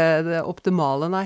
Nei, nei men det igjen, altså det og det, det, var jo det, det, virker jo som en enkel produksjon, og det er jo en enkel idé, ikke sant. OK, Lars, da går vi, ikke sant. Klokka var uh, åtte på morgenen, eller når det var. Da starter vi, da. Og så begynte vi å filme, ikke sant. Og så, og så var det jo ut fra hvor vi var, hva som skjedde, hva vi så. Uh, vi hadde gjort avtale med noen folk som han kunne prate med underveis.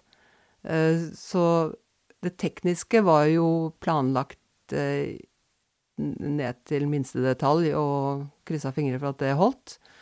Uh, mens det som uh, skjedde i løpet av dagen, det skjedde. Så det var jo igjen mm. mer eller mindre uplanlagt, da. Ja. Bortsett liksom, fra ruta var ja. jo planlagt. Men du ser liksom utover her at man At den, den måten teknikken at det gir rom for nye måter å formidle det på, men også for en annen interaksjon mm. med folk. Mm. Men så kommer jo på en måte den samme teknikken og den samme måten å sende TV på og bite naturredaksjonen litt i halen, på et vis. Eh, eh, NRK får et, plutselig et veldig fokus på at du skal ha seertall på nett. Mm. Mm. Uh, og jeg var jo litt sånn Jobba litt inn mot naturredaksjonen sånn rundt 2018. Og, og da er det liksom plutselig enkeltprogram det er fy-fy. Alt som minner om magasin, er man ferdig med. Og det er serier, og det er seertall. Ja. Uh, og første forvarselet får vi kanskje allerede i 2018, når Friluftsmagasinet forsvinner fra radio. Det er en sånn beslutning jeg aldri har forstått. Nei. Altså, jeg tenker at du er i 2018, og det må sitte noen folk og titte sitte i krystallkula i NRK og se at det er ikke usannsynlig at podkast blir en greie nå. Altså Hvis det er ett program i sendeflaten til NRK som hadde egna seg Altså Du trenger ikke å ta det av Du kan jo ta det av på en måte P1. Eh, og det ville jo vært den perfekte brekkstanga til å få en aldersgruppe som var sein over på nye medier, over på en ny plattform. Altså For min del så er det jo supert at det ikke ble gjort. ja, for da åpna det opp for deg? ja. Men, men, jeg tenker at man altså Jeg har liksom av og til inntrykk av at man er så ivrig etter å på en måte følge med i tida at man helt glemmer hva man kan ta med over dit. Ja. Nå er jeg veldig i tvil om uh, hva jeg skal si, og hvor mye jeg skal si. For er det noe jeg misliker sterkt, er folk som har hatt en helt fantastisk jobb uh, og jobba i en bedrift da, i veldig mange år, og som slutter. Og så begynner de å kaste dritt tilbake igjen. Ja. Det, det, har jeg ikke lyst på å gjøre. Nei. Og jeg vet at NRK-ledelsen er jo i en skvis, ikke sant. Konkurransen er knallhard. Mm. Men jeg kan jo si at jeg kjempa en kamp for Friluftsmagasinet, og vi vant litt tid, og så forsvant det. Mm. Og der var jo ideen på at P1 skal være en kanal hvor ting skal gå direkte. Mm. Altså det skal være den flyt, flytradioen, da. Og i TV er det helt som du sier, at eh, det ble slutt på enkeltprogrammer. Det skulle være serier, for det, det, alt skal uh, bli funnet i spilleren og sett gjennom spilleren. Og hvis det er enkeltprogrammer, så forsvinner du mengden. Er det en serie, så kan du bygge på en måte et litt mm. univers rundt det, da. Uh, og ingenting er, av dette er jo uh, feil. Og jeg skjønner jo at det er blitt tenkt sånn, og at det var viktig å tenke sånn. Samtidig så syns jeg jo at er det noen som har et oppdrag, og bør ta det oppdraget fordi de har muligheten sånn finansielt og sånt noe, til å gjøre noe litt annet enn det alle andre gjør, så er det jo NRK. Ja, så det går an å gjøre ja takk, begge deler. Ja, jeg tenker jo sånn Friluftsmagasinet som hadde flere hundre tusen lyttere. Mm. Altså sånn, Du hadde jo et sånn fantastisk utgangspunkt for å, for å åpne et nytt format. Altså nå, nå, driver jo NRK i stor grad med podkast, egentlig. Altså du, du hører i NRK-appen, så hører du radioen når du ønsker å høre det. Nei, men så, så viser vel seer- og lyttertall at uh, avgjørelsen som er blitt tatt, det, det, var ikke, det, var ikke, helt på trynet allikevel, da. Selv om mange kan savne, savne det gamle. Ja da, Også, men det er jo på en måte Du, du kan jo aldri vite du, du, vet jo hva som skjer med lyttertallene, uh, men så vet du ikke på en måte Altså, du taper jo nå når de dyptpleiende programmene blir borte. Og så fortsetter det med at naturredaksjonen forsvinner i sin helhet. Og jeg tenker at uh, Det betyr ikke at det ikke skal være natur, men det som var litt spesielt, var jo at du hadde, du hadde folk som jobba med natur, og de hadde et budsjett til å jobbe med natur, og de hadde en sendeflate som skulle brukes til, til natur. Og én ting var jo de sånn internproduksjonene, som fikk en veldig sånn kort vei fra idé til realisering. Eh, men så var det jo òg de naturfilmskaperne som hadde en bakvei til å bli vist på NRK. Jeg kikka litt, ikke sant. Du har altså Arne Nævra som da produserte ved eget selskap, men så hadde jo altså Arnt Molland som lagde 'Ørreten og døgnflua'. Altså fantastisk produksjon mm. med hvor du ser liksom døgnfluer bli født, og ørret som blir klekt fra rogna. Mm. For en ekstremt billig penge. For NRK, ja. Ja, ja, ja folk jobba jo men, men, nesten for knapper og glansbilder i forhold til innsatsen de la i det. Ja, også, men samtidig ikke sant, eh, Jeg så jo på den veien, og det du gjorde, altså du fikk en visningsavtale og en økonomisk basis som gjorde at du òg kunne søke finansiering andre steder. Sånn at det ikke blei så gærent. Jeg husker jo også sånn Tom Edvinsen som lagde 'Glomfjellets hemmeligheter'. Et nydelig program. Mm. Også det som var et program som het 'Lyden av natur'. Mm -hmm som egentlig var Det var nesten ikke kommentarer der. Jeg husker Det var bare sånn Det var natur med fantastiske lydopptak. Mm. Kollega Per Jarle Hegdalsvik, det. Ja. Mm. Og jeg syns jo Altså, de der typene program, de har jo en nesten umulig vei inn til visning i dag. Ja, de er i stor grad borte. For det mange naturprogrammer og ideer kan bli et veldig fint program. Mm. Men uh, de egner seg kanskje ikke til en serie, som du nå må, må lage for å nå igjennom. Og, og det, det, blir jo Altså, jo laga veldig mye bra TV, men, men det, er, det er ingen som har ansvaret for naturprogrammet lenger. Så nå skal det på en måte mer komme litt som en sporadisk idé eller inkorporert i et underholdningsprogram eller noe sånt. Så det, det, det, er, jo, det er jo, blitt, uh, blitt veldig annerledes, ja. Mm. Og så ser man jo liksom kanskje at det, Altså, jeg syns jeg ser en sånn tendens til at kjendisfokuset blir større og større. Altså, lenge holdt det med Lars Monsen. Monsen på villspor. Da lager du enda et mer sånn konkret øh, og lettfattelig øh, konsept rundt det. At Lars Monsen sendes ut i noe som ligner på en reality. Og så må du ha Lars Monsen og én kjendis. Og så etter hvert må du faktisk ha Lars Monsen og to kjendiser. ja. ja. Nei, det, det, er jo, det, er jo, blitt veldig mye mer at uh, programmer skal, uh, skal, frontes av en kjendis, ja. Mm. Mens, uh, mens når jeg begynte, så skulle du jo være programleder som skulle holde deg veldig i bakgrunnen sjøl. Mm. Ja.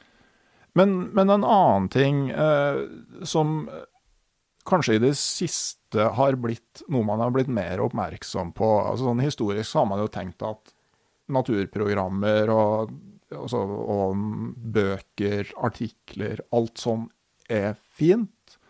Fordi at det får folk ut på tur. Og folk som kommer opp, ut på tur for å oppleve naturen, og så får de en relasjon til den og en vilje til mm. å ta vare på den. Mm. Skal jeg bare legge litt i ommen, er det greit? Ja, for all del. Ja. Ja.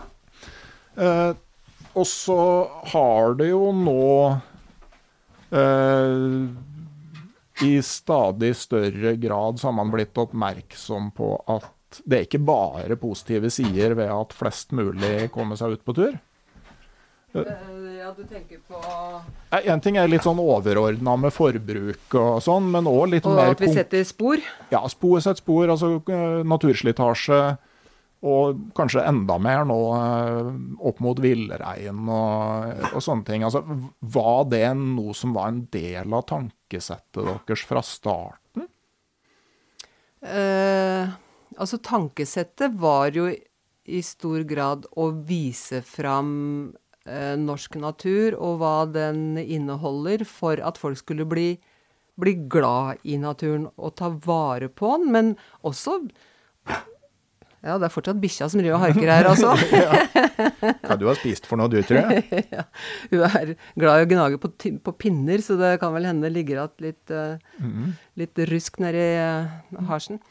Uh, nei, uh, og, og, da ja, bli mer aktiv ute i naturen også, de som, de som hadde mulighet for det. og da er det jo Det er klart Det kunne jo føre til unødvendig mye ferdsel i sårbare områder. Uh, og ja hva skal jeg si om det? Uh, vi måtte i hvert fall være veldig bevisst på hvordan vi, vi filma f.eks. reirfilming og sånt. At, altså vi, vi, vi, måtte jo ikke oppildne folk til å oppsøke fugler og, og pattedyr i, i, sårbare situasjoner. Nei. Det var nå én ting. Men ellers så var det jo mye sånn eh, Vi visste vel ikke nødvendigvis så mange sånne naturområder hvor, hvor ferdsel ikke Eller hvor ferdsel var, ble et problem. Bortsett fra selvfølgelig Svalbard. Mm. Altså, jeg har snakka fryktelig mye varmt om Svalbard, og håper å kunne komme dit igjen. Men det er jo et helt typisk sted hvor, hvor turisme eh, plutselig ble en vekstnæring eh, som har overtatt for køldrift, nesten. da. Mm. Eh, at det ble en enkel måte å beholde norsk bosetting og eh, næringsvirksomhet der. Og, og, dermed så kommer det jo mye folk, for det er jo fantastisk natur. Og hvordan skal du, skal du styre den rundt omkring? En ting er at vi, vi, tar fly for å komme dit, og så bruker du kanskje snøscooter eller båt for å komme deg rundt omkring. Uh, og så mange steder altså Naturen der er jo veldig sårbar. Fottrinn blir jo stående der i kanskje noen hundre år. Mm. Og da er det jo liksom et dilemma. Da skal du uh, stenge av områder for at her, dette skal få være i fred? Uh, da får ingen oppleve det. Mm. Kanskje mm. bare en håndfull forskere. eller skal du la folk komme, men du må ha du, du må finne deg i at det er det er eh, regulert ferdsel. da. Du må mm. gå på den og den stien eller de og de helleleggingene eller et eller annet sånt noe. Det, nordmenn vil jo helst uh, bestemme sjøl hvor de vil gå, når de vil gå. De vil jo gjerne gå noen meter unna resten av gjengen mm. for å være for seg sjøl. Ja. Uh, og, og, enkelte steder så, så, kan den ikke gjøre det. det da syns jeg det er veldig greit å ha den reguleringa. Mm. Uh, og så er jeg veldig i tvil om Bør områder helt stenges og ikke gi oss mulighet til å oppleve det fantastiske som er akkurat der? Hvem skal da bry seg om det? Ikke sant? Det er det derre. Ja, det, det er Dilemma der, da. Det, det, det, jeg tenker at det er et dilemma, for det det å Mm. tro at varig vern faktisk er varig, det tror jeg er skummelt. At en nasjonalpark er freda for alltid, bare fordi det er en nasjonalpark. Ja, Hvis- det, ja, det har vi jo sett eh, eksempel på her i nærheten også, eh, ved, ved Lillehammer og veien der. Der, der var det jo et naturreservat. Mm. Som ble, var freda inntil de fant ut at det var best at uh, E6 gikk der allikevel. Mm. Og da blir det oppheva. Ja, Det ja, syns jeg er snålt. Og eh, jeg vet jo at de har drevet og kartlagt mineralforekomster i Stabbursdalen nasjonalpark, og jeg forstår ikke helt hvorfor man gjør det. For det er jo ingenting som tilsier at det skal kunne utvinnes i en nasjonalpark. Men det er Den åpenbart vil at bare finne ut om det er mulighet for å ta ut noe der. Og Altså- da er du jo allerede i gang. Ja da, og så, og så kan du jo så klart si at uh, det er jo Det kan jo være årsaker som gjør at det å gjøre om på verneområder kan være riktig, det òg. Altså sånn, man kan jo ikke si sånn ultimativt at det aldri kan være riktig. Men, eh, men nettopp derfor så de stiller jo svakere hvis ingen kjenner dem. Ingen har en relasjon til dem. Men samtidig så er det jo det at hvis, hvis ferdselen gjør at de slutter å være det de var, da. Ja, ja, Dovrefjell uten regn, liksom. Det, ja. det, da er det heller ikke det det var. Ja. Og det, det har jeg full forståelse for, at der må ferdsel reguleres. Skal vi ta vare på villreinen, så, så må vi faktisk gjøre det. Og det, der, der har det jo blitt tatt noen dramatiske grep i enkelte områder, med flytting av uh, turisthytter for å hindre så mye ferdsel i et område, eller stenge ferdsel fullstendig i enkelte perioder. Mm. Og der kommer det jo til å skje mye framover nå. Nå er jo de der tiltaksplanene for villreinområdene ute på høring, så vidt jeg vet nå. Så der bør man sette seg ned og lese, tror jeg.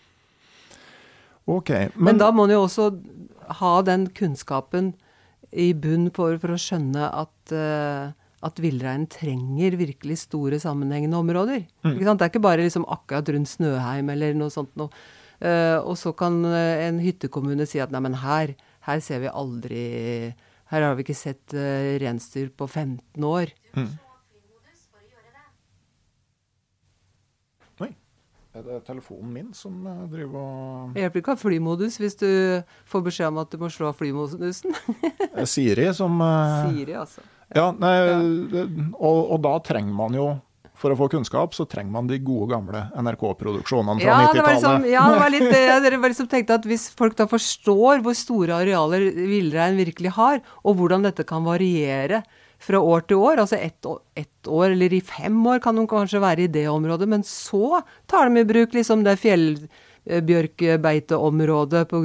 Uh, akkurat snøforholdene eller et eller annet, så, så, så kommer de dit. Eller gjerne ville ha kommet dit hvis ikke det var for at det hadde blitt bygd hytter akkurat der da. Ja, det der er store og, og komplekse spørsmål. Du eh, gikk over i, tilbake til radio da, du, eh, da Naturredaksjonen forsvant. Ja, jeg drev og hoppa litt sånn eh, eh, litt rundt omkring ei stund. Jeg jobba for, eh, for Opptur eh, i en periode. Det var morsomt å gå tilbake til radiojobbinga og, og det liksom håndverket med å lage reportasjer og, og enkelt eh, reise rundt og prate med folk. Så det var fint. Og så begynte jeg i P1 Pluss Mm. og lagde reportasjer eh, og innslag der. Men mye med, med en naturfokus på det som jeg lagde da. Mm. Etter du ga deg, hva har du, eh, hva du bedrevet tida med da? Nei, da øh, drev jeg og tenkte ei stund, for dette kom jo litt brått på meg. eh, at, jeg, at jeg bestemte meg for å slutte. Uh, fordi jeg fant jo ut at eh, den beste tida lå bak meg. Eh, jeg hadde ikke så veldig lyst på de nye oppgavene som jeg eh, fikk. For det, den redaksjonen som jeg da var i, P1 Pluss, ble også lagt ned. Uh, og så fant jeg ut at nei, da tar jeg sluttpakke. For da var det tilbud om det, da. Og så hadde jeg, jeg var jo ikke mentalt innstilt på at jeg skulle slutte å være yrkesaktiv. Så jeg gikk liksom noen måneder og følte at jeg skulka. Mhm. Eh, og så, men, men, så har jeg jo et aktivt eh, liv. Altså jeg har familie, jeg har barn, jeg har barnebarn, jeg har hund, jeg har mann, jeg har eh, sangkor, musikkgruppe. Ja, så, så forsommeren og sommeren, eh, den gikk jo liksom Så var den eh, borte. Mm. og, og, uten at jeg hadde kjeda meg i det hele tatt. Og så i høst, så utover høsten, så har jeg fått stadig noen nye, nye oppdrag. Enten noe programledervirksomhet eller uh, Jeg har jobba litt med noen samtaler i forkant av uh, Hel ved på Norske Teatret. Det har vært uh, artig. Leda noen konferanser. og så har vi hatt opptredener i kor og musikkgruppe. Og så har jeg blitt engasjert for Femundløpet. Mm. Med en podkast der. Ja. Det var veldig artig. Eh, eller er artig. For jeg har jo vært med som reporter på Finnmarksløpet i mange år. Og, og det, det, har vært en av de, de fine, gylne oppdragene igjen, med entusiastiske kolleger som jobber sammen. Mm. Og, og, og, reist med i hæla på hundespannene fram og tilbake over, over Finnmarksvidda. Strålende kombinasjon av natur og fellesskap og, og hundeliv.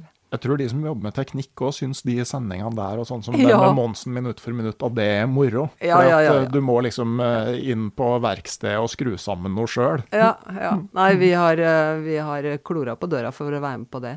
Mm. Uh, og så ble jo det også slutt, så derfor så Femundløpet, da var det litt sånn tilbake til å ja, ja, men jeg kan jo lage, kan jo fortsatt uh, bruke litt kunnskap om uh, radio og samtaler med folk, og være litt tett på, på hundemiljøet. Mm. Og det må jo være litt sånn, Så lenge du er i NRK, så er det jo veldig begrensa hva du kan gjøre av andre ting. Ja, der er det ganske strenge regler. Mm. Og nå har jeg fortsatt sluttpengebetaling fra uh, fra NRK, så jeg har jo ikke lov å jobbe noe for dem så lenge Nei. det pågår. Mm. Uh, nå tror jeg ikke det er så mange, mange muligheter for det uansett. Men, men nå står jeg fritt til å gjøre hva jeg vil. Mm. Mm. Godt det òg, da. Ja. Er, nå er det jo litt sånn spennende hva er rundt neste sving. Og så har jeg kanskje blitt litt roligere på å tenke at ja ja, blir det en, noen oppdrag som jeg syns er artig, så sier jeg ja. Og blir ikke det, så så skal jeg nok uh, kunne ha det fint allikevel. Mm. Sitte og titte utover Glomma litt mer? Ja, ja, ja. mm. Men når du ser tilbake på de her uh, årene som naturformidler hos NRK, altså, hva er du mest stolt over? Hmm. Stolt, stolt Er man stolt i Østerdalen? ja, vi er jo sikkert det, men vi har vel kanskje litt vanskeligere for å for å innrømme det, eller finne orda. Nei, men jeg er stolt over at jeg har vært med og laga et program som, som veldig mange var veldig glad for fantes. Mm. At vi eh, At vi formidla, og at jeg var med på å formidle eh, den blandinga av naturkunnskap og naturglede. Det, det er jeg nok stolt av. Men jeg er aller mest veldig takknemlig for at jeg har fått gjort det. Mm. At jeg har fått At jeg helt tilfeldig fikk den jobben og kunne bli der og være en del av, eh, av det kollegiet og, og, få alle de opplevelsene og møter med folk og dyr. Ja, skulle visst det da du slutta på reallinja. ja. Tenk om du hadde hatt lettere for matematikk og fysikk? ja, ja, det kan du jammen meg si. Nei, livet er jo eh, full av tilfeldigheter, og du griper liksom tak i noe som da drar deg videre i en eh, overraskende retning. Så det, nei, det, det har vært kjempefint. Men det er jo en egenskap. altså Det er jo fint å lage detaljerte planer og jobbe målbevisst mot noe du virkelig har lyst til, men det er jo òg greit å ha den evnen til av og til titte opp og tenke seg om ja, er det faktisk fortsatt det her jeg har lyst til? Det, for det er jo lett å bli blind for de mulighetene som dukker opp hvis du er ekstremt målbevisst. Mm. Ja, ja, det er sant, det. Og jeg, eh, jeg, har jo aldri vært spesielt målbevisst. Altså hvis jeg får en oppgave, så, så tror jeg at, jeg at jeg tar den jobben eh, eh, seriøst og, og, vil gjerne levere så godt som mulig. Men jeg, jeg har liksom aldri hatt en sånn langsiktig plan på at å bygge sånn sten på sten. Og, og jeg er jo strengt tatt ikke så fryktelig glad i planlegging. Jeg syns det er veldig artig å være der det skjer, og ta den, ta den situasjonen som oppstår. Det er jo både en styrke og en svakhet. Men det fungerer, fungerer, jo ofte veldig bra på sånne minutt for minutt-sendinger. Du må bare se deg rundt. Hva skjer? Og gripe fatt i liksom Å ja, nå skjer det. Og så kan du liksom Hva kan jeg spinne ut av det? Mm. Det syns jeg jo er veldig morsomt. Ja. Og Hvis man i tillegg har noen i teamet som har planlagt hvordan det her skal komme på lufta, så, jo, ja, eh, så spiller man hverandre god. Ja, ja. At du har da en, en, eh, en på kamera som oppfatter den samme situasjonen, og vi, vi uh, har fokus på det samme, det, det er veldig fint. Og så og så hjelper det jo sjølsagt da å ha vært ei stund i gamet, både ha en slags kunnskap i, i bunn som gjør at du vet at dette bærer. Mm. Og det hadde jeg jo i mye mindre grad i starten. Altså, jeg, jeg hadde jo nesten ikke ordforrådet ikke sant, på hva, hvordan forteller du om natur.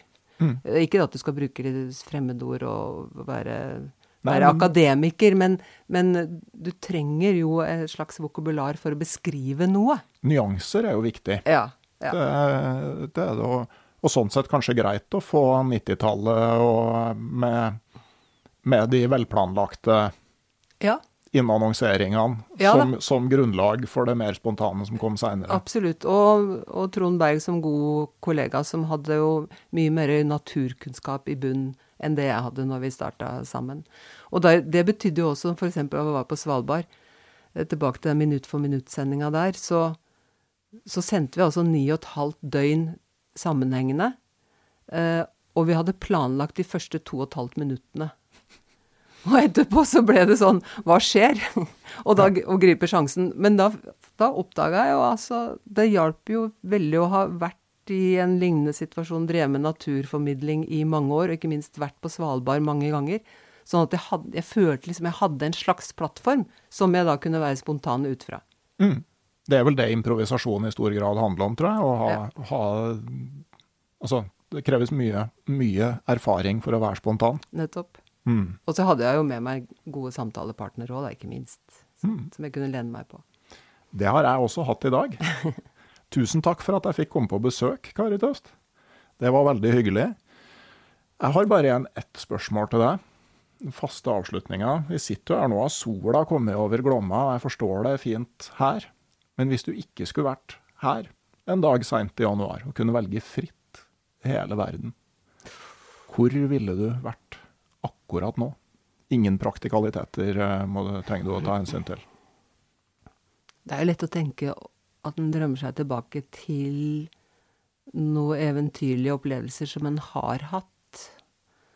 Mm, det er da, ka, da tror jeg at jeg havner i Sør-Amerika. Okay. Jeg har reist en del rundt der, og jeg har også hatt fantastiske opplevelser eh, på Galapagos. Jeg tror jeg havner der, gitt. På Galapagos? Ja. Er det der de har sånn der eh, som ligner på havsuler, men har blå føtter? Ja. Blue-footed babies. som går og viser fram ja. til damene for å ja, imponere ja, ja, ja, Jo større og blå føtter, blåere føtter, jo bedre. Ja, Det er ikke måte på hvor mye rart de har der. Mm. Og, så, og, så, er de ikke redd folk. Nei. Så det kommer så tett på dyrelivet. Mm.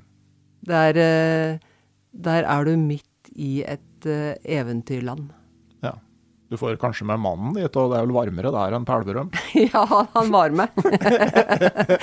det var ikke på jobb. ok, tusen takk igjen, Kari Toft. Jeg takker også min kommersielle samarbeidspartner Barents Outdoor AS. Jeg takker alle medlemmene i det digitale turlaget på Patrion. Flere er nye der de siste dagene. Tusen takk for at dere hjelper til å holde produksjonen av podkasten Uteliv i gang. Husk også at det er mulig å skaffe seg episode 200 av podkasten Uteliv på LP-plate. Følg link i episodeinfo for å sikre deg den. Podkasten Uteliv er nå i innspurten mot episode 200. En ny episode dukker opp i din foretrukne podkastavspiller før du veit ordet av det, men som vanlig sier jeg inntil da ha det bra.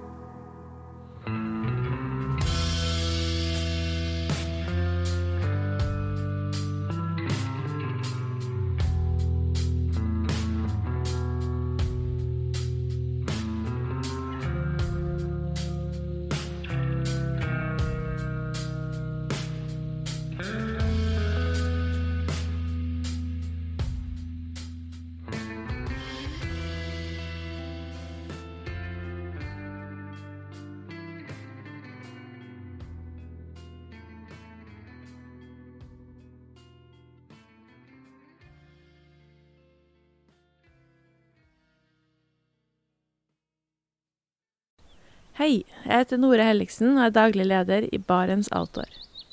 Det beste vi kan gjøre for planeten, er å redusere forbruket vårt og få mer ut av det utstyret vi allerede har. Men vi vet av erfaring at bruken av telt kan endre seg over tid. Det teltet du kjøpte for to år siden, passer kanskje ikke det behovet du har i dag. Derfor har vi i Barents etablert en egen panteordning der vi tar imot brukte telt av god kvalitet i innbytte når du kjøper et nytt av oss. Prosessen er enkel. På barentsoutdoor.no gir det oss informasjon om teltet du vil bytte inn. Basert på det får du et tilbud fra oss som gir deg rabatt på ditt neste Barentsprodukt. Mer info og betingelser finner du på barentsoutdoor.no. Og husk at den første reparasjonen på produkter fra Barents er alltid gratis.